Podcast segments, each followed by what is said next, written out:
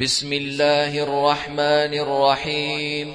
القارعة ما القارعة؟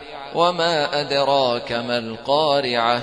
يوم يكون الناس كالفراش المبثوث وتكون الجبال كالعهن المنفوش.